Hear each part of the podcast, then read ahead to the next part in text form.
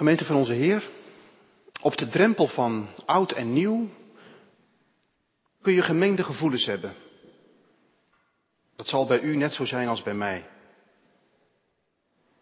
Je kunt dankbaar zijn voor alle goede gaven die je dit jaar hebt ontvangen. Alles wat je hebt kunnen realiseren. Zakelijk, persoonlijk. En tegelijk kun je ook verdrietig zijn om verliezen die je hebt gelezen, geleden. Beschaamd misschien ook om dingen die je liever anders had gedaan. Je kunt uitkijken naar het nieuwe jaar, naar de uitdagingen die daar op je liggen te wachten. Nieuwe kansen. Een nieuw begin misschien. En tegelijk kun je ook opzien tegen dat onbekende. Wat zal het komend jaar ons brengen? Als ik goed naar mensen luister en naar mezelf, dan kom ik dit jaar, bij deze jaarwisseling, ook iets tegen van een gevoel van onmacht. Het heeft denk ik te maken met de wereld waarin we nu leven. De wereld waar u en jij en ik deel van uitmaken. De geschiedenis heeft haar eigen verloop. En er zijn wereldleiders en grote bedrijven en de publieke opinie die iets in de melk te brokkelen hebben, een vinger in de pap hebben. Maar het lijkt wel in onze tijd alsof er processen zijn, ontwikkelingen die echt helemaal hun eigen dynamiek hebben en waar niemand nog echt controle over heeft. Het is nauwelijks meer te sturen, lijkt het wel. En we zijn zo goed geïnformeerd. En we doorzien misschien meer dan mensen die voor ons geleefd hebben hoe ingewikkeld deze wereld in elkaar steekt. Die kluwen van belangen, botsende belangen en, en, en, en, en oplopende spanningen en, en vluchtelingenstromen en de leefbaarheid van deze planeet die onder druk staat. Wie heeft er nog grip op de zaak? En ook in ons eigen kleine leven is er ook zoveel wat niet te sturen is. Veel dingen gebeuren gewoon. In uw leven en in het mijne. Het dringt zich aan je op. Het overvalt je soms. En er lijken ook allerlei machten en krachten in deze wereld te zijn die, ja, die ook mijn leven voor een deel bepalen. En die niets te maken hebben met, met God of met geloof. En daartussenin probeer je er dan het beste van te maken. Maar je laat ook de nodige steken vallen, laten we eerlijk zijn. We laten kansen liggen. Vaak achteraf bedenk je je, ik had het beter zus kunnen doen, of juist zo. Dit wel kunnen zeggen, dat juist niet. Het geeft je een gevoel van onmacht. Iets van die onmacht proef ik ook in Psalm 4. Die psalmdichter, David, heeft het over machtigen die gewoon hun gang gaan. In hun spel van keiharde leugens en schone schijn. In hun gevecht op een zo groot mogelijk stuk van de taart. Koren, wijn, gelukkig zijn. En niemand lijkt die mensen te stoppen. Mensen doen gewoon wat ze willen. En David vraagt zich af, wat stel ik eigenlijk voor? En mijn geloof, telt dat in deze wereld nog mee? Of wordt dat zo van tafel geveegd? Als niet relevant. En dan doet hij iets heel moois, die David. Die, hij, hij, hij voelt die onmacht. En die brengt hij in een avondgebed bij God. U zegt misschien, de, dat doen we toch allemaal elke dag? Nou, dat vraag ik me wel af. Je komt mensen tegen die met hun vragen en hun onmacht en hun onzekerheden en hun zorgen anders omgaan. Misschien wel een beetje benoemen in het gebed, maar ook wel wat wegduwen, wat wegdringen, wat verstoppen. Je doet gewoon je best om opgewekt te zijn op je werk. En je werkt gewoon hard. En je geniet van het leven. Van jouw stuk van de taart. Sociologen hebben daar een mooi woord voor bedacht. Cocooning. Van het, van het Nederlandse woordje kokon. Wij mensen, zeggen zij, wij mensen zijn er goed in om in zo'n warrige, woelige wereld een kleine kokon te spannen waar we het vooral gezellig hebben.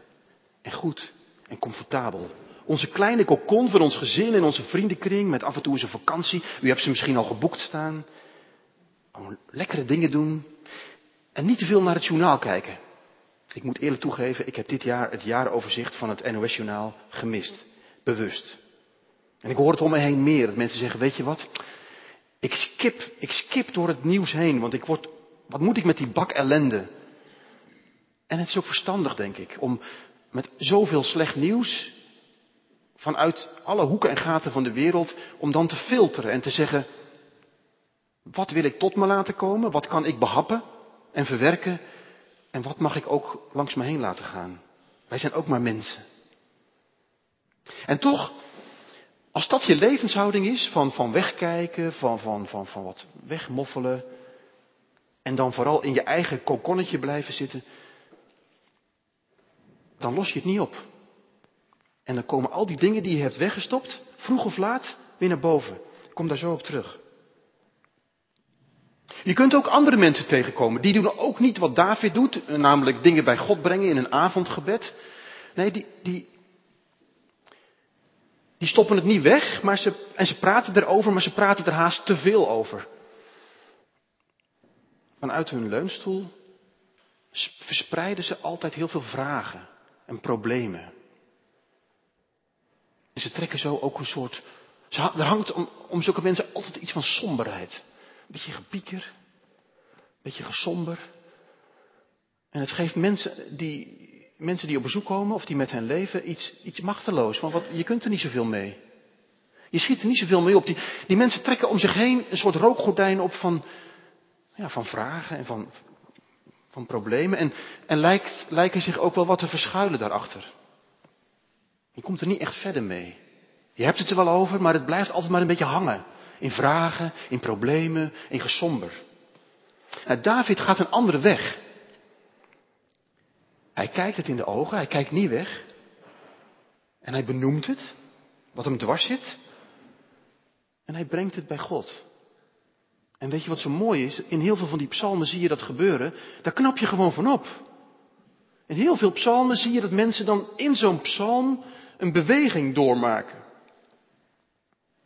Midden in de jacht en de beklemming en de stress en de zorgen die hij ook heeft, vindt hij ineens een vrije ruimte.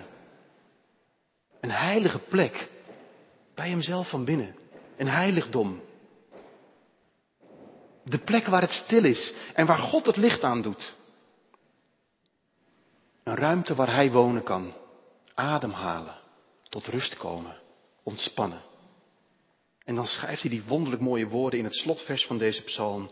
In vrede leg ik mij neer en meteen slaap ik in, want u, Heer, laat mij wonen in een veilig en vertrouwd huis. Het Hebreeuwse woordje voor veilig, dat bestaat alleen in het Hebreeuws. Verder in al die Semitische talen niet. En het heeft te maken met een, een merrie die, het wordt oorspronkelijk gebruikt voor een merrie die drachtig is van een veulen. En dat maakt het tot een heel bijzonder woordje, want dan is het niet zozeer van, nou heer, ik kruip onder de, onder de wol en ik zie wel hoe het morgen, wat er morgen dan weer, eh, weer op me afkomt. Een beetje zo van doffe berusting. Nee.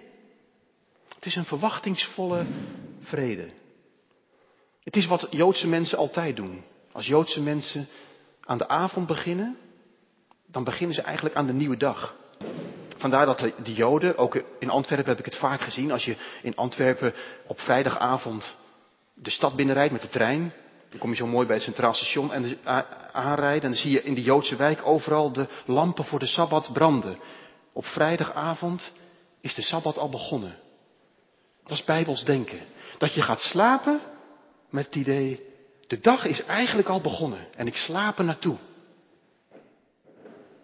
Dat is de manier waarop David in bed kruipt. Gelovige verwachting. Dat de nacht een weg is naar een nieuwe morgen. Kijk, je hebt in de Bijbel twee manieren van slapen. Je hebt slapen waar kritisch over wordt gedaan. Dat is de slaap van de onverschilligheid, van de traagheid, van de afstomping. avond aan avond voor de buis zitten en de een naar de andere onnozele soap kijken.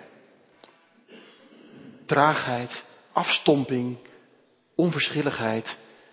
Die slaap, daar worden we uit wakker geroepen. Die slaperigheid die ook een beetje in je kokonnetje kan gaan hangen.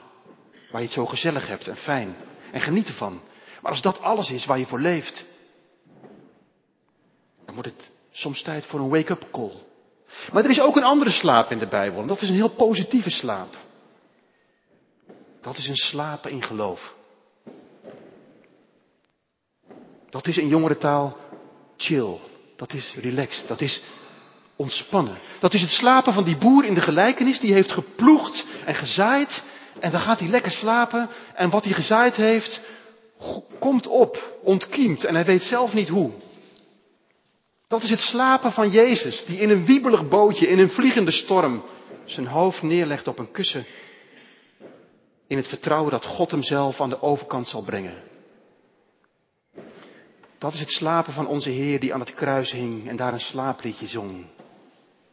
Terwijl de pijn door zijn lichaam gierde en om hem heen hoon en spot was, zong hij het liedje waar hij 33 jaar mee is ingeslapen, geleerd van zijn moeder. Vader, in uw handen beveel ik mijn geest. In Nederlandse termen, ik ga slapen, ik ben moe, ik sluit mijn beide ogen toe. Vader, houd ook deze nacht over mij getrouw de wacht. Zo gaat David slapen in Psalm 4. Hij heeft op geen enkele vraag een antwoord gehad. En zijn levensomstandigheden zijn nog voor geen sikkepit veranderd. En zijn zorgen en vragen, ze liggen nog voor hem. En zijn angsten en zijn onmacht, ze zijn niet weg. Maar vanuit die heilige ruimte, bij zijn God, beziet hij anders, alles in een net iets ander licht. En kijkt hij naar de situatie met Gods ogen. Vanuit Gods hart. Hij heeft zijn hoofd op orde. Hij heeft zijn hart op orde. En hij hoeft nergens wakker voor te, van te liggen. Ik wil u een beetje prikkelen vanavond. Er zijn twee soorten gelovigen, zou je kunnen zeggen. Er zijn gelovigen die zeggen, ik geloof wel of zo. En dat of zo zit al een soort van, denk je, oei, oei, oei. Ik geloof wel of zo. Maar dan moet het wel een beetje meezitten. The show must go on. Maar als de show niet doorgaat en je hebt een slecht bericht van de dokter, dan raken zulke gelovigen soms zomaar in één keer van, van de leg. En dan blijken al die verdrongen dingen, al die, al die onzekerheden, die onmacht, wat allemaal weggestopt is, in één keer springlevend naar boven te komen. Ze waren in je onderbewuste, maar ze zijn er nog steeds. En ze vliegen je naar je keel. De een naar de andere vraag is in één keer weer springlevend. En je zit muurvast. Dat zijn de velen in deze psalm die zeggen, wie maakt ons gelukkig? Er zijn ook gelovigen die dankzij Gods genade hebben geleerd een spade dieper af te steken. Die die vragen en die onzekerheden niet verstopt hebben, maar ermee aan de slag zijn gegaan. Die niet zozeer gefocust zijn op een geloof dat je gelukkig maakt en blij en happy elke dag. Dat zou fijn zijn, ik gun het u van harte. Niet een geloof dat alle vragen zomaar rimpeloos glad strijkt. Nee, het is een geloof wat zoekt naar contact met God. Naar Gods hart. Wat zoekt naar een eerlijke verhouding met jezelf en met de ander. Dat zijn mensen die hun angsten en boosheid en, en frustratie en onzekerheid en onmacht gewoon bij God neerleggen. Als het moet elke dag, elke avond, elke morgen. En weet je wat zo wonderlijk is? Als je dat doet, dan ontstaat er weer die vrije ruimte. Diep van binnen. En het heiligdom is weer open. En je vindt weer de rust en de vrede. Te midden van alles wat je benauwen kan. Een vertrouwd en veilig huis waar je kunt wonen. In vrede leg ik mij neer en meteen slaap ik in, want u Heer laat mij wonen in een vertrouwd en veilig huis. Ik moest denken aan onze kinderen vroeger. Ik mis die tijd wel eens. Nu zijn ze tieners, te groot om nog op te tillen haast. Maar vroeger waren ze zo heerlijk klein en dan kon je ze na een lange autorit uit de autostoeltjes vissen, helemaal bezweet en, en, in slaap. En dan droeg je ze naar boven en dan legde ze je in bed en meteen helemaal ontspannen. Die overgave. Alles loslaten. Meteen in slaap. Volkomen overgave. Veilig. Vertrouwd. Dat is wat wij mogen leren, broers en zussen. In een, in een gerijpt, volgroeid geloofsleven. Te midden van de strijd en de stress van dit leven mogen we iets van een heilige onbezorgdheid inoefenen. Laten we dat bij elkaar stimuleren. Elkaar niet gek maken. Elkaar tot die rust uitdagen. En dan mag je alles loslaten. En ik ga nu iets heel gek zeggen. Weet je wat je ook mag loslaten? Je geloof. En je zegt, hè? Mijn geloof loslaten? No way. Toch wel. Want ook van je geloof kun je niet leven. Christen zijn is meer dan met je tanden op elkaar en je hakken in het zand blijven geloven en blijven volhouden. Kan heel gauw iets verbetends hebben, iets krampachtigs. Dat is niet wat David doet. Die houdt het niet vol, die gaat slapen. Hij zegt niet, bij alles wat ik meemaak heb ik toch zoveel aan mijn geloof. Hij zegt, Heer, u laat mij wonen in een vertrouwd en veilig huis. Zijn houvast ligt echt niet in zijn geloof, maar echt in God. En dat is echt buiten hem. Dat is heel belangrijk om dat, om, om dat zo te beleven. Dat je je houvast hebt, niet in je geloof en in hoe jij, dat jij het, dat touwtje moet vasthouden. Nee, laat het los. Want je houvast ligt in God. En God is goed. En daarom valt deze man die net zo is als jij en ik, ontspannen met een glimlach in slaap, te midden van zijn zorgelijke, gespannen leven. Daarom is David een van die mensen die je af en toe tegenkomt, die altijd iets lichtvoetigs hebben, iets blijmoedigs. Wat ze ook meemaken, en je kunt er ernstigste dingen meemaken. En dat onderschatten we niet. Maar de onderstroom mag er een zijn van lichtvoetigheid, van, van vertrouwen, van blijmoedigheid. Zo kunnen we 2015 achter ons laten en met vertrouwen het nieuwe jaar ingaan. Ik kan gaan slapen zonder zorgen, want slapend kom ik bij u thuis. Alleen bij u ben ik geborgen. Gij doet mij rusten tot de morgen en wonen in een veilig huis.